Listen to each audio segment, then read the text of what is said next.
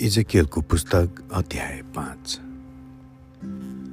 अब हे मानिसको छोरो एउटा लाग्ने तरवारले र त्यो हजामको छुरा जस्तै प्रयोग गरेर त्यसले आफ्नो कपाल र दारी खौरी त्यसपछि जोख्नलाई तराजु लिए र ती कपाललाई भाग भाग गर। जब तेरो घेराका दिन समाप्त हुन्छन् रौँको एक तिहाईलाई सहरभित्र आगोमा जलाइदे।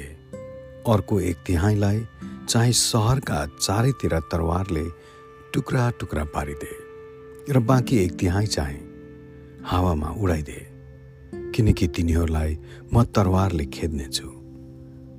तर तैँले कपालको केही भाग लिएर आफ्नो लुगामा बाँधेर राख।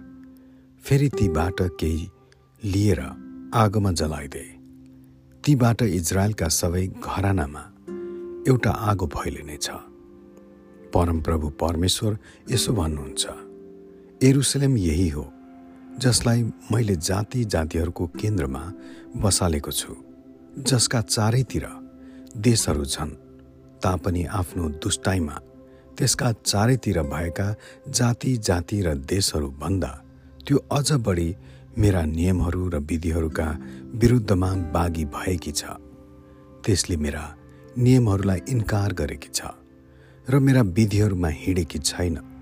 यसकारण परमप्रभु परमेश्वर यसो भन्नुहुन्छ आफ्ना चारैतिरका जाति जातिहरूभन्दा तिमीहरू अझ बढी नियम पालन नगर्ने भएका छौ र मेरा विधिहरूमा चलेका छैनौ अथवा मेरा नियमहरू पालना गरेका छैनौ। तिमीहरूका चारैतिर भएका जातिहरूका चाल बमोजिम पनि तिमीहरू चलेका छैनौ। यसकारण परमप्रभु परमेश्वर यसो भन्नुहुन्छ हे एरुसलेम म नै तेरो विरुद्धमा भएको छु। म स्वयं ती जातिहरूका सामुन्ने तलाई दण्ड दिनेछु।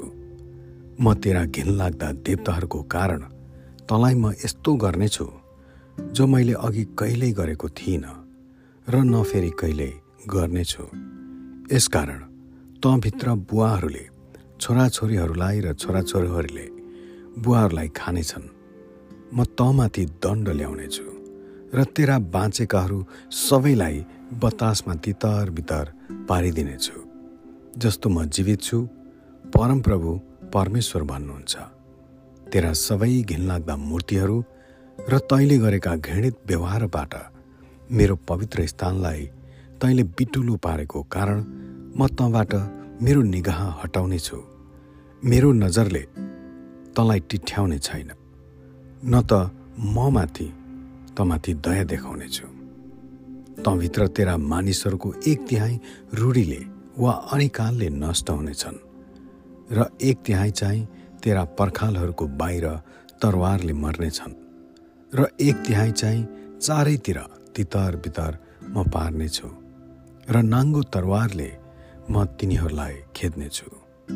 तब मेरो रिस थामिनेछ र तिनीहरूका विरुद्धमा भएको मेरो क्रोध शान्त हुनेछ। म यसरी मेरो बदला लिनेछु। मेरो क्रोध तिनीहरूमाथि खन्याइसकेपछि तिनीहरूले जान्नेछन् कि म परमप्रभुले नै आफ्नो जोसमा यो कुरा भनेको हुँ। म तँलाई तेरा चारैतिरका जाति जातिहरूका बिचमा र तेरो छेउबाट भएर जानेहरू सबैका दृष्टिमा भग्नावशेष र खिसीको पात्र तुल्याउनेछु। जब म रिस क्रोध र गालीसित वा खिसीमा तँलाई सजाय दिन्छु तब तँ तेरा चारैतिर हुने जाति जातिहरूमा त गाली खिसी चेतावनी र डरलाग्दो पात्र हुनेछस्। म परमप्रभुले नै यो भनेको हुँ। जब म तमाथि अनिकालको मेरो घातक र नष्टकारी बाँडहरू छोड्नेछु तब म तँलाई नाश नगरी छोड्ने छैन।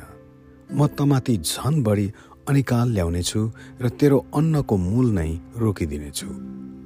म तेरो विरुद्धमा अनिकाल र जङ्गली जनावरहरू पठाइदिनेछु र तिनीहरूले तँलाई निर्वश तुल्याउनेछन् रूढी र रक्तपात तेरो बिचमा भइरहनेछ। म तमाथि तरवार चलाउनेछु। म परमप्रभुले नै यो भनेको हुँ। आमेन।